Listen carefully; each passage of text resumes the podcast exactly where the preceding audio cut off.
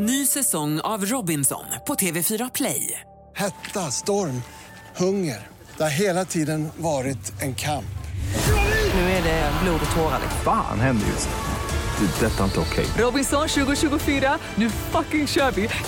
Streama söndag på TV4 Play. Du lyssnar på en podcast från Expressen. Ansvarig utgivare är Thomas Mattsson.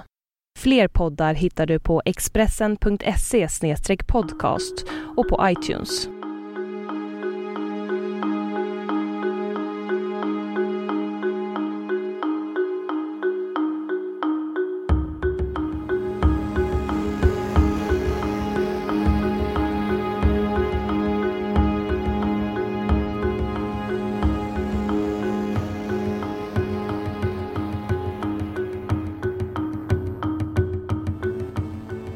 Här är poddversionen av Expressens reportage IS. Välkommen till terrorns rike. Jag heter Karl Frid Kleberg och är utrikesreporter på Expressen.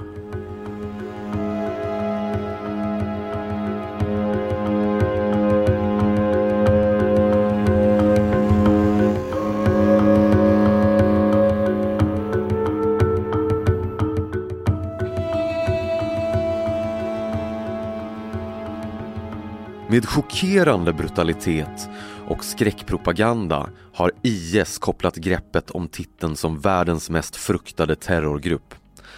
Men oavsett vad gruppen själv säger är ingen osårbar eller allsmäktig. Och om man vill besegra Abu Bakr el-Baghdadis organisation är det dags att lära känna sin fiende. Här är vad världen inte förstår om undergångskulten Islamiska staten.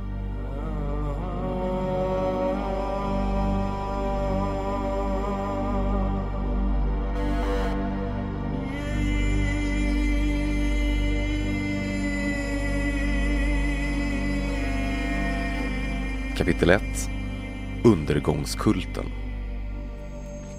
Det hade kunnat vara en vacker dag. Tänk ljusa fält och rullande kullar som breder ut sig ända bort mot horisonten där de möter en perfekt klarblå himmel. Det hade kunnat vara en vacker dag om det inte var för blodet som vid den svartklädda gestaltens fötter färgar den dammiga jorden mörkt röd. I en lika delar hotfull och föraktfullt uppläxande gest höjer den maskerade mannen sin kniv och riktar den mot kameran medan en av den så kallade Islamiska statens bönesånger ljuder i bakgrunden. Vid den maskerade mannens fötter ligger amerikanske hjälparbetaren Peter Kassigs avhuggna huvud. Här står vi och begraver den första amerikanske korsriddaren i Dabik ivrigt inväntandes att resten av era arméer anländer, säger så kallade Jihad John, IS numera dödade bödel, vars riktiga namn var Mohammed El-Nwazi. Det är med den här sortens skräckpropaganda som sunnimuslimskt extremistiska IS har etablerat sig som världens idag mest fruktade terrororganisation. Men i Mwazis ord ligger mer än bara ett hot. Legenden om Dabek, en anspråkslös prick på den syriska kartan drygt en mil från Turkiet, är legenden om jordens undergång.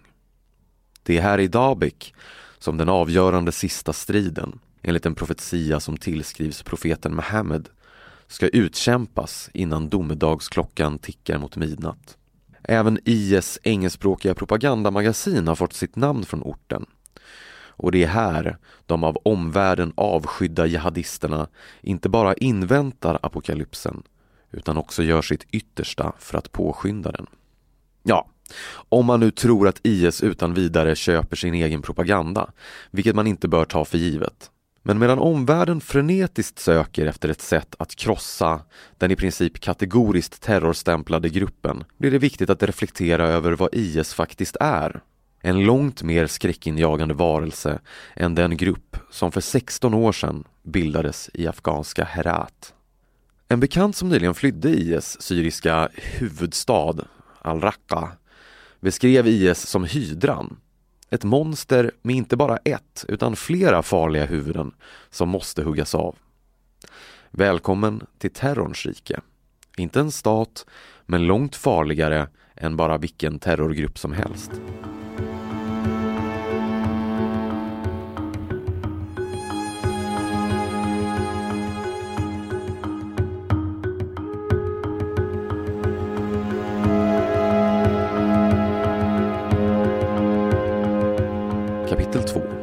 Terrorn Sorg Det var för att sörja som folk i söndags samlades på Place de la République efter de fasansfulla attacker som krävde minst 129 dödsoffer i Paris.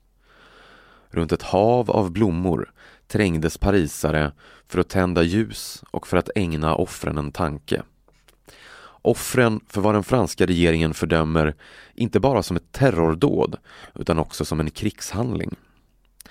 En man höjer sin telefon för att fotografera ljuset som kvinnan bredvid håller när skarpa smällar plötsligt hörs och panik utbryter. På ett ögonblick kastar sig folkmassan fram och börjar springa i rädsla för vad man tror är nya skott.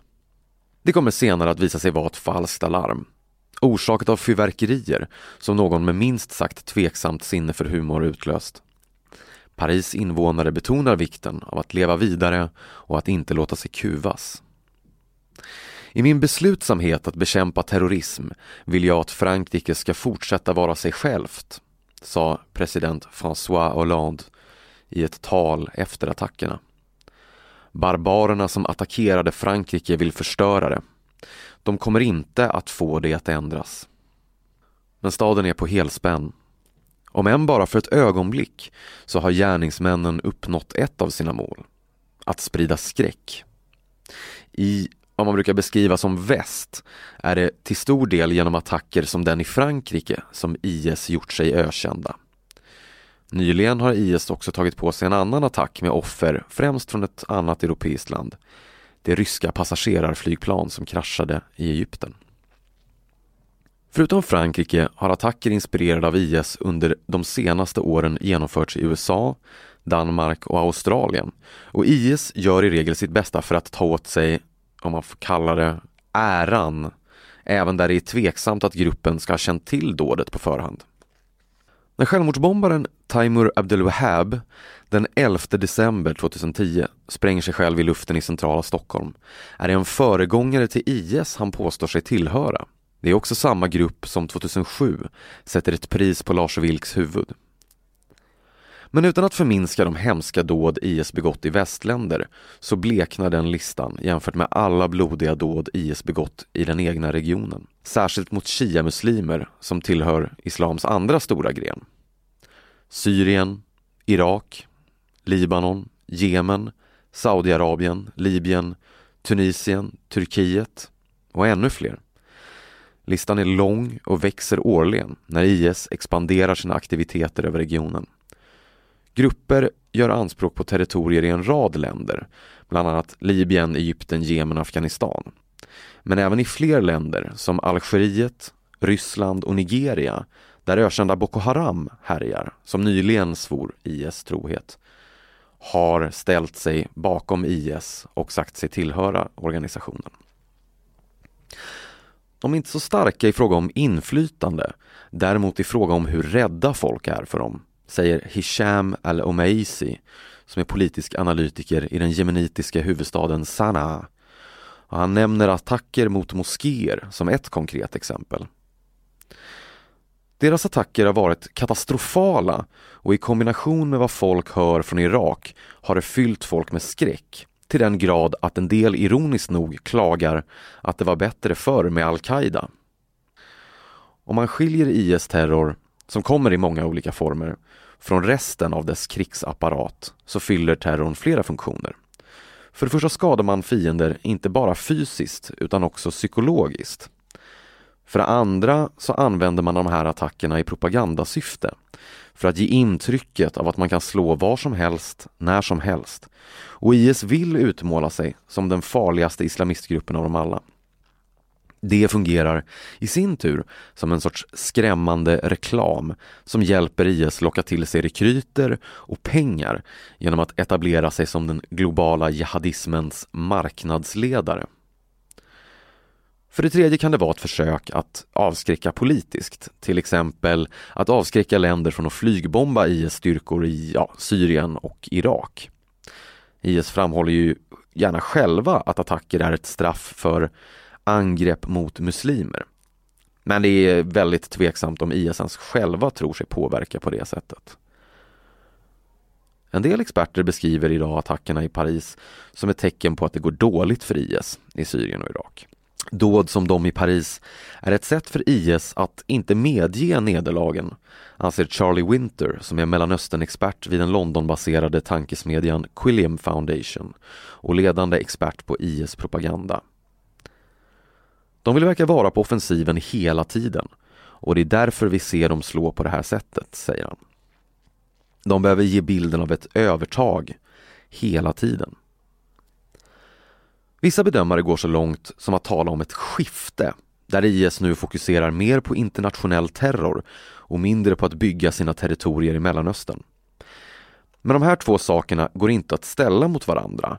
De är båda delar av IS som organisation. Dessa två sidor av IS utesluter inte varandra.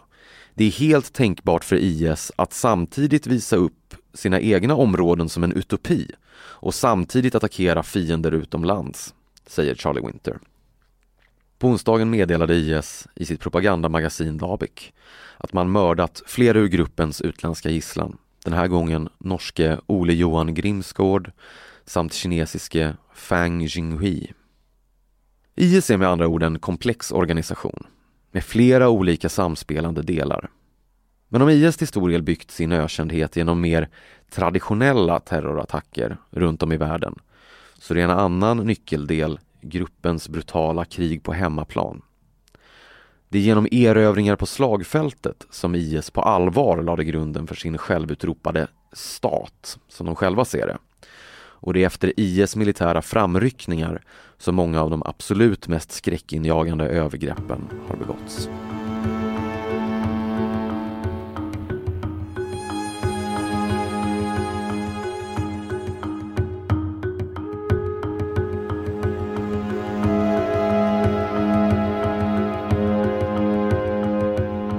Kapitel 3 Krigsmaskinen Ursäkta språket, men vad fan gör man egentligen när man får höra att IS tänker storma den stad man är satt att försvara? För den irakiska generalen Mahdi al-Gharawi, som förra sommaren hade fått ansvaret för Iraks näst största stad Mosul i sitt knä, blev svaret att åka på semester. Med tanke på IS brutala rykte kanske man kan ha i alla fall lite förståelse för generalens agerande Särskilt med tanke på att han fått smeknamnet Monstret i Mosul för sitt milt sagt hårdhänta agerande gentemot stadens sunnimuslimska befolkning och knappast kunde vänta sig någon nåd i en stad där IS länge haft en stark närvaro under ytan. Men av vad som kommit fram var det inte av rädsla som generalen höll sig undan. Det verkar snarare vara ett symptom på den irakiska arméns allmänna hopplöshet, korruption och inkompetens. Utrustning köpt för amerikanska dollar hade försnillats, rutiner försummats och arméns många desertörer hade aldrig rapporterats in av befälhavare, ja, som däremot fortsatte att ta emot löner från soldaterna som inte längre fanns. Mosuls fall var en händelse som överraskade världen, står det i en rapport från Iraks parlament som kom ut efteråt. Men de som var informerade om säkerhetsläget i provinsen förstod att det här förr eller senare skulle hända. Det var alltså inte IS krigsmakt som gjorde att de i fjol kunde lägga under sig stora delar av Irak och samtidigt befästa sitt grepp om sina områden i Syrien. IS drog fram i områden där den sunnimuslimska befolkningen knappast var beredd att slåss och dö för en shia-dominerad regering som i år diskriminerat och förtryckt sunniter. Det som fanns kvar av den nationella irakiska armén la benen på ryggen och flydde utan strid. Bland ihärdiga rykten om att IS-infiltratörer bland befälhavarna gett soldaterna order om att inte kämpa emot. Mosul blev den irakiska kronjuvelen i IS nya rike som här börjar ta form. Men IS kom inte till Mosul här. De hade aldrig försvunnit. De har alltid funnits här det är bara att det här var en mer tydligt militär offensiv, säger Rasha Al-Akidi som är forskare vid Al-Mesbar-institutet i Dubai. Hon är själv född och uppvuxen i Mosul där hennes familj fortfarande bor. Nu känner sig folk i Mosul hjälplösa. De kan inte göra någonting för att kämpa emot och de ser på nätet och i irakiska medier att de ses som förrädare. Nu fruktar de vedergällning. Det är svårt att säga exakt hur många soldater IS har under sig eftersom det beror på hur man räknar. Menar man alla delar av IS organisation, även folk som mest ja, vänder på papper eller lagar elen? Eller menar man den stående armén? Många bedömare uppskattar i alla fall antalet IS-medlemmar till drygt 100 000 varav ungefär en fjärdedel är tillresta jihadister från andra länder än de IS ursprungligen haft sin grund i. Andra uppgifter är mer blygsamma, men de flesta uppskattningar varierar i alla fall mellan 50 000 och 100 000. Det kan låta väldigt, väldigt mycket, men då bör man ha i åtanke att IS nu styr ett område med miljoner i befolkning. Ett år sedan ska CIA ha uppskattat IS antal till uppemot ja, 30-31 000 personer. Det skulle i så fall innebära att gruppens antal växer snabbt, även om den förlorar mark och lider svåra nederlag. Något flygvapen har IS inte, däremot har den stridsvagnar och pansarfordon i massor. Plundrade från militärerna i Irak och Syrien, men även från andra väpnade grupper i områden där IS krigar. Konflikter med andra grupper är inte direkt någon bristvara för IS. IS slåss mot i princip alla andra de hittar. I Irak är det mot regeringens styrkor, den irakiska armén. Men framförallt så är det landets shia-miliser som är regeringens styrkor där. Miliserna, varav Iran har ett stort inflytande över en hel del, utgör den absolut mäktigaste styrkan mot IS i Irak. Men de har själva gjort sig skyldiga till fasansfulla övergrepp i sunnitiska områden där de dragit fram, vilket enligt experter om något förvärrar konflikten och de religiösa spänningarna i Irak. Även kurdiska styrkor från det regionala självstyret i norra Irak är en viktig kraft mot IS. Kurderna har med flygunderstöd vunnit stora militära segrar mot IS, men de har svårare att vinna mark i huvudsakligen sunni-arabiska områden. I Syrien strider IS mot president Bashar al-Assads regering, som har stöd av Iran och Ryssland. Men IS strider också mot andra rebellgrupper och inte minst kurderna som utsatts för brutala attacker av IS och av andra islamistgrupper. Både al-Assad och IS gör utåt stort nummer av att de slåss mot varandra. Men i själva verket strider båda överlägset mest mot andra grupper. Det är kurdiska styrkor från norra Syrien och sunniarabiska rebeller i nordväst, varav en del är islamister, som har bjudit IS på det största nederlag i Syrien kombinerade med de internationella flygbombningarna mot gruppen. IS är en mäktig militär kraft och det är i samband med gruppens militära insatser som vi har tvingats se några av dess absolut värsta övergrepp. Den 12 juni i fjol dödade IS hundratals, kanske över 1500 obeväpnade kadetter vid Camp Speicher-massakern i irakiska Tikrit. Shiiter och icke-muslimer skiljs ut från sunniterna och dödas av IS-styrkorna. Senare, i augusti samma år, angriper IS Sinjarberget och begår där sin värsta massaker hittills mot medlemmar av den yazidiska minoritetsgrupp som bor där. IS anklagar yazidierna för att vara djävulsdyrkare som förespegling för attacken, men det är tveksamt hur mycket det egentligen handlar om religion. IS mördar här tusentals yazidiska män och driver många fler på flykt. Kvinnor tas som sexslavar under hemska förhållanden. En av dem som har träffat flera kvinnor som tagits till fånga av IS är Expressens korrespondent Therese Kristiansson. 22-åriga Shares och 20-åriga Chanaz beskriver hur IS först krävde att alla pengar och papper skulle läggas på en filt. Sedan dödade de alla män. Sen tog de sju av oss kvinnor. De sa att de räddade oss från elden som vi levde i och att vi skulle konvertera. Annars skulle de sälja oss till Saudiarabien, säger Shares. I veckor hölls de inlåsta i ett hus utanför Mosul. De försökte tvinga sig på oss flera gånger, men jag knuffade bort dem. Jag skulle hellre dö, säger Chenaz. Till slut lyckades de stjäla ett simkort och kunde ringa hem för att få hjälp att fly. Nyligen återtog kurdiska styrkor Sinjar med stöd av den internationella koalitionens flygbombningar. Det var ett bäst nederlag för IS. Men så länge IS fortfarande finns i Mosul utgör de ett hot. Enligt Umed Sabah, som är talesman för presidenten i Iraks kurdiska självstyre, Massoud Barzani. Insatsen för att befria Shingal, som Sinjar heter på kurdiska, var höjdpunkten på den här befrielseprocessen. Peshmergas har besegrat och begravt myten om IS som oförstörbara, säger Sabah i ett mejl. IS för ett krig mot alla, även i Syrien. Flera boende i regimkontrollerade syriska områden som jag har talat med vittnar om utbredd rädsla. Det handlar delvis om de självmordsbombningar och andra attacker som IS utför, men också om en rädsla för vad som händer om IS eller andra extremister tar makten i Syrien. Majid, en ung student från Latakia som inte vill ge sitt riktiga namn, beskriver en ständig känsla av skräck.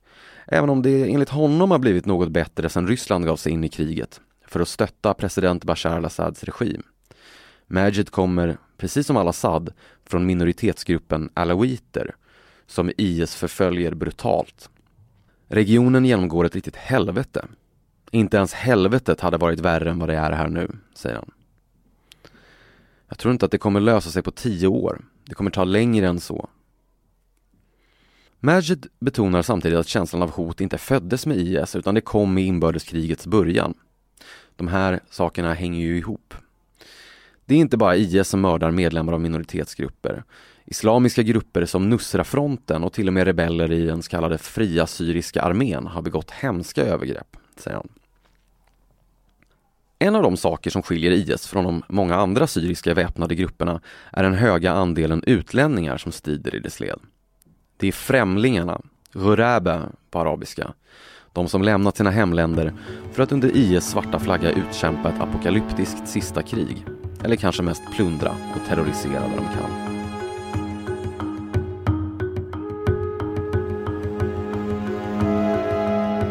Kapitel 4 Utlänningarna Vad tänker du på om jag säger Nutella och gulliga katter? Ja, förmodligen inte på IS och i så fall är du i gott sällskap. En växande samling bilder på skäggiga IS-jihadister som med en kalasjnikov i ena näven och en burk sliskig nougatkräm i andra poserade glatt i Syrien och Irak väckte i fjol därmed förvirrade reaktioner. Ja, ungefär som man kan förvänta sig. Samtidigt kastade det nu stängda Twitterkontot Islamiska kattstaten ur sig bilder på jihadister som här kallades Miao Jahedin som poserade med kattungar. Tonen är lättsam, skämtsam till och med, trots de hemska övergrepp som männen kan ha gjort sig skyldiga till. Månader senare rapporterade amerikanska CNN i ett allmänt hånat tv-inslag att IS lockar kvinnor med kattungar och Nutella. CNNs beskrivning kan ha varit förenklad och lite dumförklarande, men den var inte helt fel i sak. Både kattungar och Nutella har förekommit i IS propaganda, om än mest som ett skämt. Det säger nog mer oroande om gruppen och dess utländska anhängare än vad många vill medge. Att en hel del av de tillresta jihadisterna har växt upp i exempelvis Sverige och trots sina hemska brott så gillar de ungefär samma saker som vilken 20-åring som helst. Deras handlingar må vara monstruösa, men individerna skrattar åt samma internethumor och äter samma skräpmat som folk i gemen. Av samma skäl bör listan över vad svenska jihadister i Syrien saknat mest inte förvåna. Fiskpinnar, köttbullar och potatisgratäng nämnde en i fjol för Expressens Kassem Hamadé. Finns ingen motsättning. Det är svårt att säga exakt hur stor del av IS som är tillresta utifrån. Det beror på hur man definierar att vara med i IS. Är alla som åker till IS-kontrollerade områden IS-jihadister eller måste man ta upp vapen för att räknas? En vanligt förekommande siffra är ändå att uppemot 30 000 utlänningar rest till Syrien för att strida med väpnade grupper. Många av dem, någonstans mellan 20 000 och 25 000, tros ha anslutit sig till IS. De flesta kommer från andra länder i regionen, men minst 4 500 kommer från västländer. Totalt kommer de från mer än 100 olika länder. En källa till de här uppgifterna är tidningen The New York Times för förra månaden. Ett år tidigare var den uppskattade siffran 15 000 från drygt 80 länder, alltså hälften så många. Det ställs mot amerikanska Pentagons uppgift om att cirka 10 000 IS-jihadister dödats av flygbombningar. Sverige är inget undantag. Tvärtom finns skandinaviska länder bland de europeiska med flest jihadresenärer i förhållande till befolkningens storlek. Enligt Säpo har 286 personer åkt från Sverige till Irak och Syrien sedan sommaren 2012 för att delta i strid eller stödja en våldsbejakande terrorgrupp. Det finns också hela familjer som åkt ner, även med små barn. I dagsläget finns 125 svenskar på plats varav drygt en tredjedel är kvinnor. Kvinnorna, även vuxna, beskrivs ofta som jihadbrudar och framställs som sårbara offer. Det har anklagats för att vara en okunnig syn på kvinnorna som är förmögna att fatta egna beslut, även om en hel del också är mindreåriga. Salma och Jasmin, som tidigare rekryterat andra kvinnor till extrema grupper, pekade vid ett panelsamtal i somras som brittiska tidningen The Guardian arrangerade ut ideologi och identitetssökande som de vanligaste anledningarna till att kvinnor ansluter sig. De här kvinnorna har bilden av en stundande undergång, säger Jasmin. För dem är det en fråga om heder. De tror att de kommer att skyddas och att väst inte kan skada dem. Varje månad åker i snitt mellan 5 och 10 personer från Sverige. Och det har varit en jämn ström av människor sedan 2012. Enligt Säpo har 120 personer kommit tillbaka och enligt obekräftade uppgifter har ungefär 40 dödats på plats. Exakt vilka grupper svenskarna ansluter sig till är inget som Säpo går in på, men IS dominerar enligt Säpos presschef Sirpa Fransén. Risken att de som återvänder utgör ett hot väcker ju också oro. Säpo kan inte tvinga återvändare att tala med dem om det inte finns misstanke om brott. Men det kan finnas personer som planerar terrordåd även i Sverige, enligt Fransén. Vi ser ju att det finns personer som definitivt har förmåga och det kan finnas ett fåtal som både har avsikt och förmåga. De följer vi upp såklart, säger hon. Radikalisering och rekrytering sker på flera sätt, bland annat genom sociala medier. Videor och bilder där fraser som ”packa dina väskor och kom” nöts in gång på gång används för att uppmana till hijra, alltså migration. Det finns olika roller man tar på sig. Roller som att vara rekryterare, utbildare eller finansiär. Både vid möten och i sociala medier. Och vi har sett att sociala medier är jätteviktigt, säger Sirpa Fransén på Säpo. Abu Bakr, en ingenjörsstudent boende i Norge eller Danmark med irakisk familjebakgrund, var i fjol en av IS mest flitiga påhejare i sociala medier. Precis som IS-ledaren har han tagit sitt smeknamn av en känd gestalt ur islamisk historia. Abu Bakr beskrev IS attraktionskraft som en kombination av ideologisk extremism och ultravåld mot de som han såg som sunni-islams fiende, särskilt Syriens president Bashar al-Assad. Varför ska man nöja sig med det näst mest extrema? IS är de som har den renaste religionen. De är hårda, men de är också rättvisa och det är Guds vilja, sa han via Skype i samband med att IS förra sommaren utropade sitt så kallade kalifat vi är glada. Vi visste att kalifatet skulle komma, men inte att det skulle komma så snart, säger han. Men även om IS anhängare gärna vill framställa sina motiv som rakt igenom nobla och ideologiska så varierar de kraftigt. För en del är drivkraften äventyrslusta, för en del en flykt från en till synes meningslös tillvaro i andra länder. För en del lockar ett våldsamt banditliv där man med våld tar det man vill ha. Eller en kombination av alla ovanstående. Men hur avskräcker man folk i Sverige från att åka och vad gör man med de som kommer tillbaka? En insats som på senare tid hamnat i fokus är avhopparverksamheten. Det är lockande att använda avhoppares berättelser om krigets hemska verklighet för att skingra rosenskimrande bilder av det så kallade kalifatet, samtidigt som brott måste utredas. Mona Salin, regeringens samordnare mot våldsam extremism, berättade nyligen att hon varit i kontakt med flera avhoppare från extremistgrupper i Syrien, även från IS. Ingen har gått med på att ställa upp och tala för de svenska myndigheternas räkning, men Salin har inte gett upp hoppet. Den dag vi har en ung kille som säger att han åkte ner för att han verkligen trodde på IS, men att det bara var slakt och elände där. En sån berättelse betyder otroligt mycket mer än vad en myndighet kan säga säger Mona Sahlin. För kampen mot IS utkämpas inte bara på slagfältet eller på gator och torg. Det är också ett propagandakrig. En kamp där IS visat prov på skrämmande effektivitet. När IS den 3 februari i år släpper sin då senaste video är den bland det värsta gruppen hittills kastat ur sig. Videon där den jordanske stridspiloten Muadh el-Kassasbe inlåst i en bur bränns levande väcker särskild avsky, både på grund av dess innehåll och på grund av dess avancerade produktion. I Jordanien väcker den raseri och krav på hämnd. Dagen efter bombar jordanskt stridsflyg för första gången IS.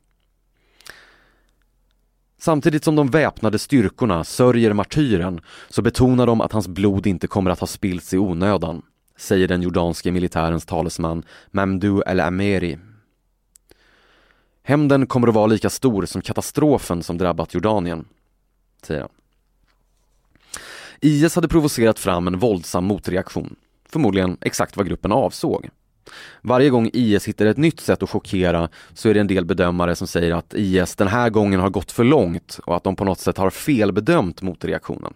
Det stämmer inte, enligt experten Charlie Winter vid Quilliam Foundation. Det irriterar mig verkligen när folk försöker resonera sådär. Folk försöker förstå IS som om den fungerade som vilken politisk organisation som helst, säger han. Ja, visst, den stöter bort en del människor genom sitt våld. Men det är löjligt att tänka sig att folk kommer att vända IS ryggen på grund av det. Utan att hajpa IS propaganda så är den i alla fall inte ogenomtänkt. IS behöver inte vara några PR-genier för att kunna klippa film och förstå hur kommunikation funkar. Trots dess, ja, ofta beskrivs som medeltida ideal är medlemmarna inga grottmänniskor och det är en på många sätt modern organisation. Användningen av skräckpropaganda har dessutom kännetecknat IS genom dess 16 år långa livstid i olika skepnader. IS fick redan 2005 skäll från al-Qaidas huvudorganisation för sina brutala metoder. Flera experter vi talar med tror snarare att IS bara kommer att fortsätta söka nya sätt att chockera, varje gång med en ny upptrappning. IS internationella attacker och krig på hemmaplan kan inte skiljas från dess propaganda och det spelar en viktig roll i gruppens kommunikation utåt. Men det finns också en annan sida av IS-medier, den sett i kvantitet kanske mest omfattande. Det handlar om att framställa IS så kallade stat i så god dager som möjligt. Att måla upp bilden av en utopi som kan attrahera nya anhängare och hamra hem idén om att IS är mer än bara en terrorgrupp.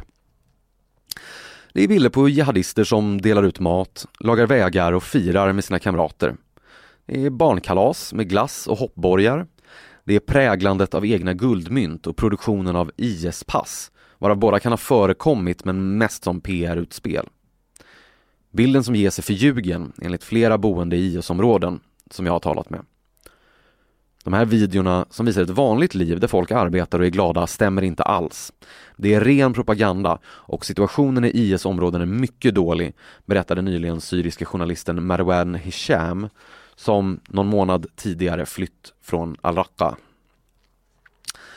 Om det IS vill visa upp är en trivsam tillvaro för de egna och ultravåld mot de andra finns det också det IS absolut inte vill att någon ska se. Det är desertörer som desillusionerade lämnar gruppen eller det faktum att flyktingar hellre riskerar livet på Medelhavet än ansluter sig till IS påstådda utopi. Särskilt besvärliga för IS är rapporter om dess militära nederlag och gruppen, som alltid vill verka oövervinnlig, tappar idag mark.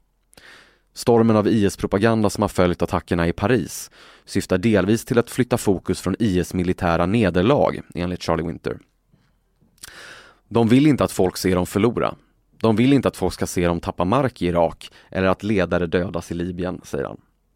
Det är väldigt skadligt för gruppen. Den behöver verka vara på offensiven hela tiden och det är därför vi ser den göra sådana här utfall för att ge bilden av ett mäktigt övertag.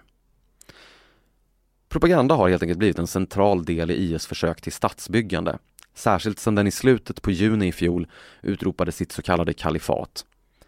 Men vad är det här kalifatet egentligen? Och hur fungerar det?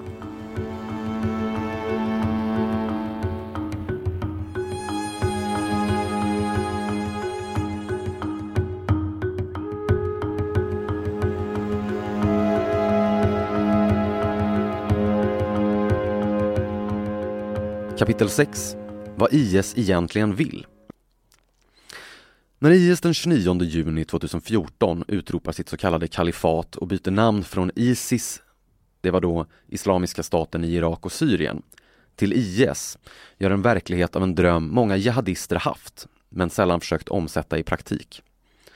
Al-Qaida har sett sin verksamhet som förstadiet till en islamisk stat, men aldrig tagit det steget riktigt. Det är helt enkelt svårt att upprätta en islamisk stat av den modell som IS och al-Qaida eftersträvar. Man stöter på motstånd från folket man gör anspråk på att styra. När IS utropar ledaren Abu Bakr el-Baghdadi till kalif innebär det, enligt IS alltså, att hela världens muslimer nu ska lyda honom. Det är inget anspråkslöst krav från en grupp som väcker avsky bland de allra flesta muslimer och vars extrema tolkning av islam ligger långt utanför den sunnimuslimska mittfåran. Men vad är egentligen ett kalifat? Enkelt uttryckt är en islamisk stat ledd av en högste politisk och religiös ledare med anspråk på att representera islam i stort. Konceptet har funnits i någon form under lejonparten av islams cirka 1400 år långa historia. Först att göra anspråk på titeln var Rashidunska kalifatet och det är från den första kalifen, Abu Bakr, som IS-ledaren tar sitt namn. Senast innan IS var det Osmanska riket som efter första världskriget övergick i Turkiet, som beskrev sig som ett kalifat. Idén om att upprätta kalifatet är själva kärnan i IS ideologi, som ofta beskrivs som medeltida men som snarare är samtida med järnåldern. Det är till 600-talet som IS vill skruva tillbaka klockan, inte till medeltiden. Men en del medlemmar av IS kanske mest vill plundra och döda. Det finns också de som uppriktigt tror på gruppens ideologi. IS avfärdas ofta som icke-islamiska och dess tolkning av islam har fördömts av en lång rad islamiska auktoriteter. Det är fel att koppla samman IS ideologi med muslimer i stort eller att ställa muslimer överlag till svars för IS handlingar. Men det religiösa elementet kan man inte avfärda utan vidare och IS strösslar frikostigt sina uttalanden med hänvisningar till tron. IS ideologi är jihadistisk salafism. Det är en ultrakonservativ gren inom sunnislam som bygger på att efterlikna profeten och hans anhängare så mycket som möjligt. Samtidigt som man är snabb att peka ut andra som otrogna och ser våld som ett legitimt medel, vilket inte alla salafister gör. IS ideologi har också, som svenska Mellanösternexperten Bitta Hammargren påpekar på sin blogg, många beröringspunkter med den religiösa diktaturen Saudiarabiens salafistiska ideologi. Grymma straff och godtyckliga rättegångar är institutioner i båda system, vilket inte hindrar EU från att ha saudierna som viktigaste handelspartner i Mellanöstern, eller USA från att se kungadömet som en av sina viktigaste regionala allierade.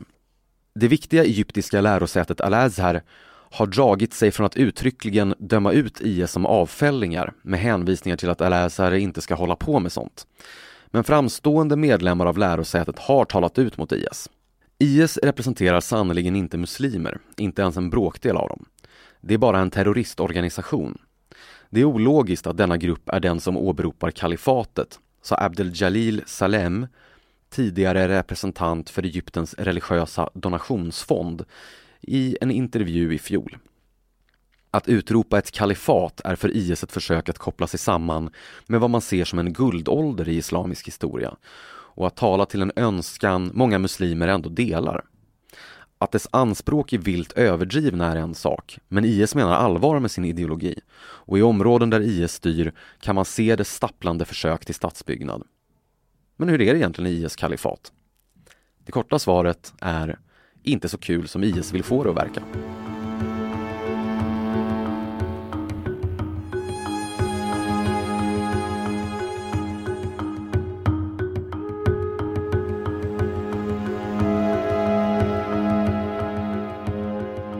7 Kalifatet inifrån Att vara IS-terrorist eller ännu högre upp i gruppens hierarki är en sak.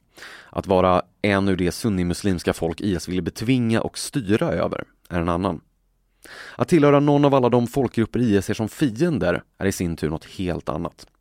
Kurder, shiiter, kristna, yazidier och fler med dem kan alla vittna om massakrer och kidnappningar i områden där IS drar fram. Men även för den som lever i IS territorier finns det många sätt att väcka gruppens vrede. Ett är att sprida nyheter om de många fasorna i IS huvudstad al-Raqqa.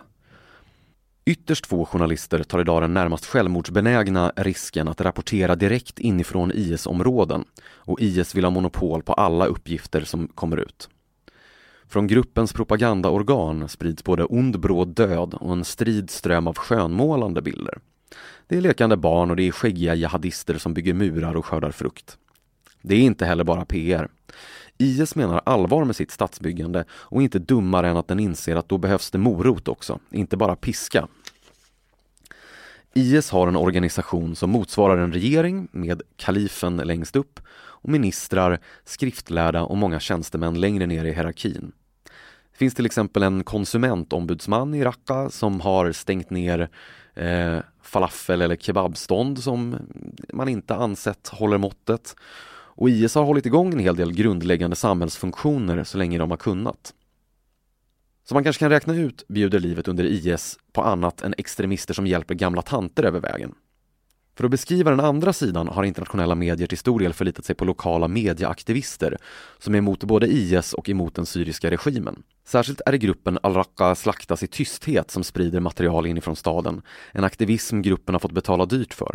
Många medlemmar har dödats av IS, senast i oktober i Turkiet. Hamoud El-Mussa är en av gruppens grundare. I somras begravde han sin far, som IS fångat och dödat, enligt hans kollegor på grund av sonens aktivism. Al-Mussa minns hur gruppen kom till staden och införde sin egen lag. IS har kämpat för att införa sina egna lagar genom att döda och gripa civila. Men de har också anpassat lagarna när det passar dem. När de känner att folk är arga, som när rebeller från Fria Syriska armén tog över byar nära al-Raqqa, försökte de minska pressen på de civila eftersom IS samtidigt ville ha mer pengar och införde nya skatter, säger han, från Turkiet där han nu befinner sig. Pengar är ett evigt problem för IS. Det är helt enkelt dyrt, både att kriga och att försöka styra. IS beskrivs ofta som världens rikaste terrorgrupp, men många historier om IS rikedomar är troligtvis myt. Uppgiften om att IS kommit över hiskeliga summor genom världens största bankstöt mot Mosuls centralbank i fjol har till exempel ifrågasatts. I Irak har läget för IS försvårats av att regeringen stoppat löneutbetalningarna för offentligt anställda i IS-områden, som Mosul.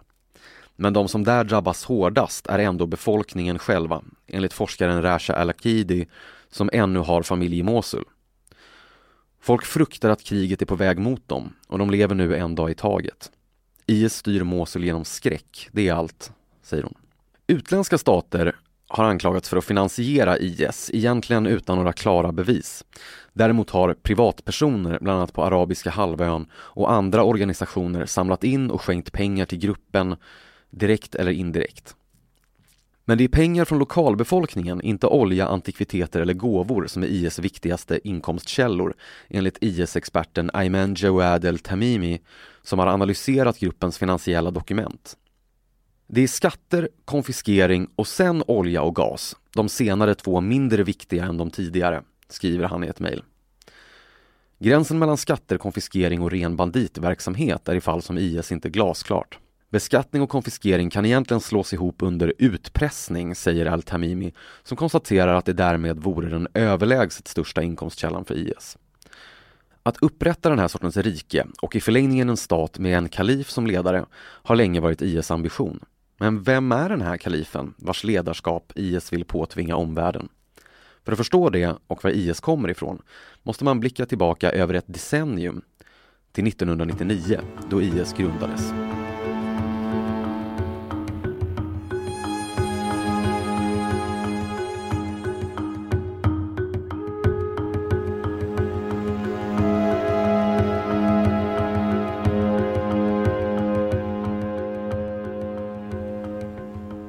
Kapitel 8 IS rötter Abu Bakr el-Baghdadi föds som Ibrahim Awad Ibrahim al-Badri 1971 i den antika irakiska staden Samarra, norr om Bagdad. Hans familj gör anspråk på släktskap som kan spåras tillbaka till profeten Muhammed och hans far lär ut koranverser i den lokala moskén. Grannar minns honom som en blyg och tillbakadragen tonåring som gillar att spela fotboll men som också är djupt dedikerad till sina religiösa studier, enligt forskaren William McCants som nyligen släppt en bok om IS. Den blivande IS-ledaren tar 1996 examen i koranstudier vid Bagdads universitet och studerar sedan koranläsning. Han ansluter sig till Muslimska brödraskapet och tyr sig inom gruppen till mer hårdföra jihadistiska salafister. I början på 2000-talet gifter han sig med sin första fru Asma och senare med sin andra fru Isra, enligt McCants.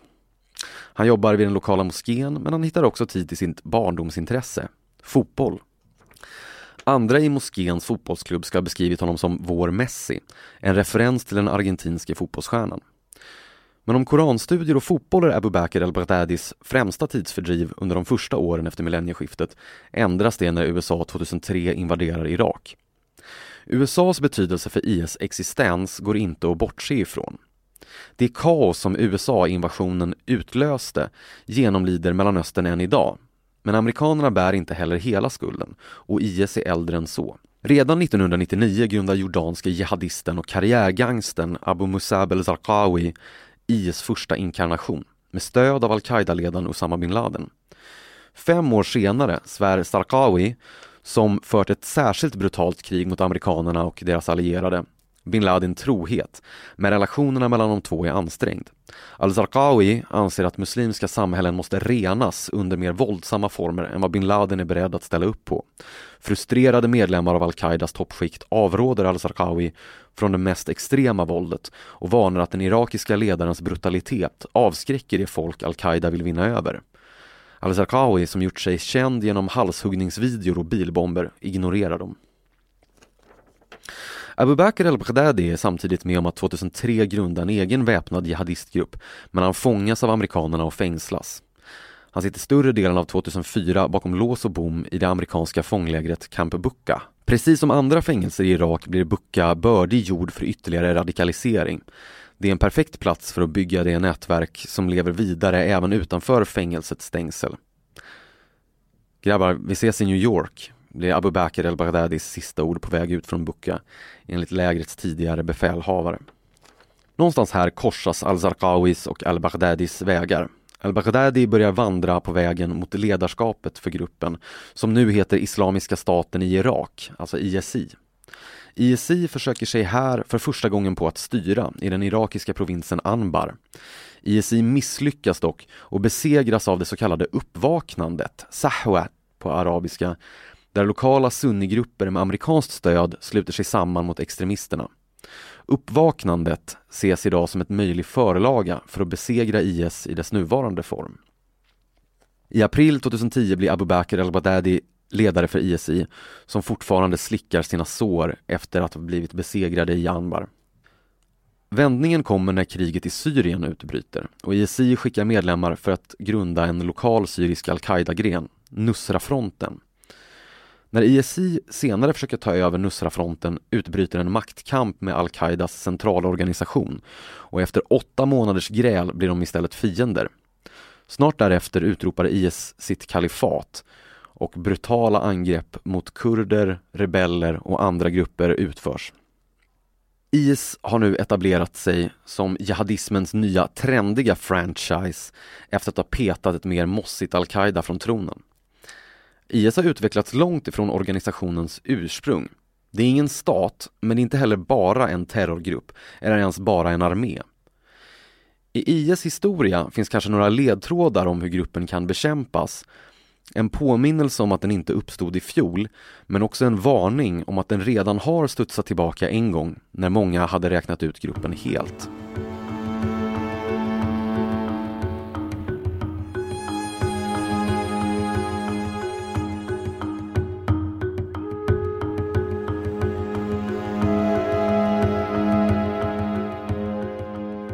Kapitel 9 Hur besegrar man IS?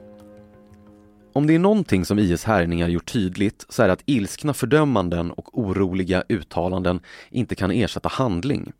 Att lite löst konstatera att någonting måste göras är inte heller till någon större hjälp om man inte också har konkreta förslag. Problemet är att IS visat sig vara en svår grupp att knäcka och expertisen är delad. Frågan är, enkelt uttryckt, okej, okay, men hur spöar vi egentligen IS då? De goda nyheterna är att det inte är omöjligt. IS har under det gångna året tappat mark både i Irak och i Syrien. Dess osårbarhet är en myt. De dåliga nyheterna är att IS inte är i närheten av att besegras oavsett vad dess fiender hävdar. Flygbombningarna har skadat IS men räcker inte för att besegra gruppen. Och det spelar ingen roll vem det är som bombar, om det är USA och dess kompisar eller om det är den syriska regimen och Ryssland. De krävs enligt experter en markstyrka, de stövlar på marken, som USA bränt av Irakkriget, kanske klokt bävar inför att klampa in i Syrien med. Flygbombningen från koalitionen kommer inte att slå ut IS i dess områden. Och väst, som nu drabbas av IS, borde stödja de rätta styrkorna, säger Hamoud al-Mussa, aktivisten från IS-fästet al-Raqqa. Jag tror inte vi kan vinna det här utan stöd på marken. Det finns också flera styrkor som har haft framgångar mot IS, både i Syrien och Irak. De med flygunderstöd uppbackade kurdiska styrkornas framgångar är välkända. Även sunniarabiska rebeller i Syrien och shia-muslimska miliser i Irak har gett IS ordentliga snytingar. Men shia-milisernas tendens att själva terrorisera sunnitiska områden och det faktum att många syriska rebeller själva är hårdföra islamister har gjort dem till mindre attraktiva kompisar än kurderna. För Hamoud el-Mussa är de kurdiska styrkorna men också moderata rebeller från Fria Syriska armén som man bör stödja. Enligt honom har Fria Syriska armén större legitimitet i arabiska områden än vad kurderna har och delar av FSA samarbetar redan med kurdiska YPG i Syrien. Problemet för västländer är att det visat sig vara svårt att hitta grupper som både är starka och ideologiskt rumsrena i västs ögon. USAs försök att bygga upp en egen rebellstyrka för att slåss mot IS har gått så dåligt att betraktare haft svårt att välja mellan skratt och gråt. Den syriska regeringen slåss också mot IS tillsammans med Ryssland, Iran och libanesiska shia-rörelsen Hizbollah. Men mest angriper Syrien andra grupper än IS och enligt en lång rad källor har regimen dödat långt fler civila än vad IS har. Det gör det svårt för väst att efter år av arga fördömanden byta fot och nu stödja president al-Assad om han ens är en trovärdig allierad, vilket många ifrågasätter. Att alliera sig med den syriska regeringen är också svårt eftersom IS existens är så nära kopplad till det större kriget i Syrien varav IS bara är en del. Det kriget kretsar till stor del kring al-Assad. Man måste krossa myten om IS osårbarhet, men det behövs också en politisk strategi för kriget i stort, enligt Emil Hokayem, Mellanöstern-expert vid tankesmedjan Internationella institutet för strategiska studier, IISS.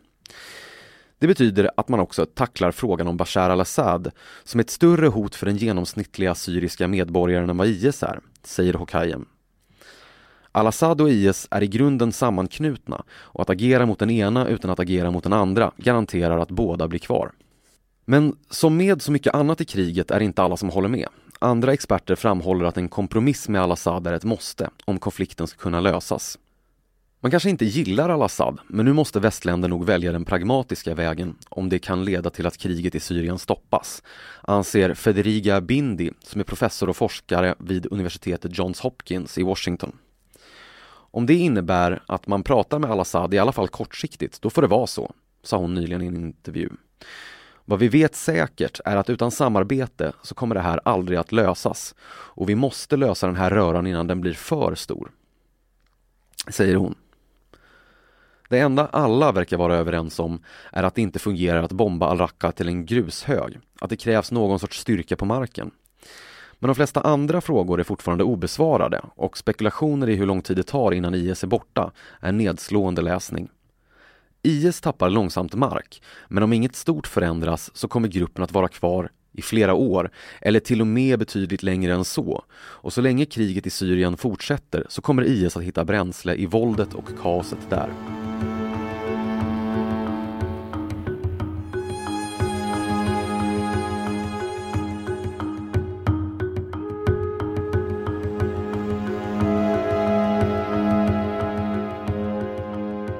Kapitel 10 Ragnarök Med IS svarta fana fladdrandes över axeln vandrar en ensam svartklädd man över fälten i norra Syrien. Ja, I alla fall enligt IS, som påstår att den avgörande sista striden kommer att utkämpas här. Läran om undergången heter eskatologi. Den återkommer i många mytologier och trosystem, ibland som Armageddon, ibland som Ragnarök. I IS propaganda är legenden om Dabik central för gruppens världsbild och sett utifrån kan profetians lite klyschigt melodramatiska budskap vara skrämmande i sig självt.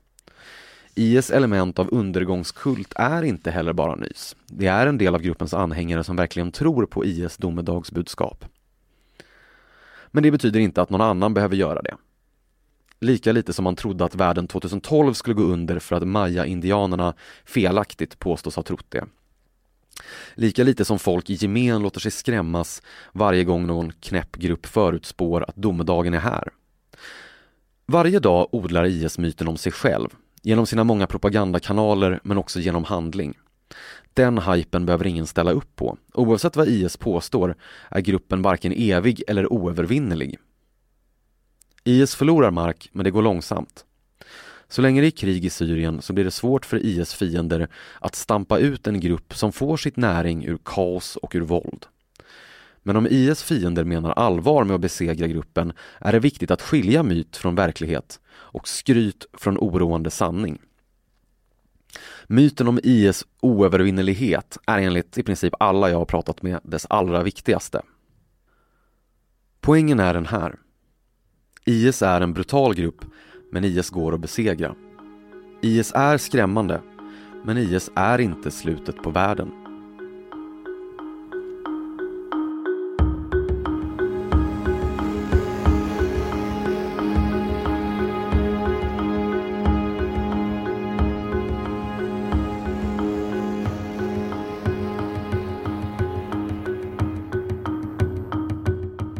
Du har lyssnat på en podcast från Expressen. Ansvarig utgivare är Thomas Mattsson. Fler poddar hittar du på expressen.se podcast och på iTunes. Ny säsong av Robinson på TV4 Play. Hetta, storm, hunger. Det har hela tiden varit en kamp. Nu är det blod och tårar. Fan händer just nu. Det. är Detta är inte okej. Robinson 2024, nu fucking kör vi! Streama söndag på TV4 Play.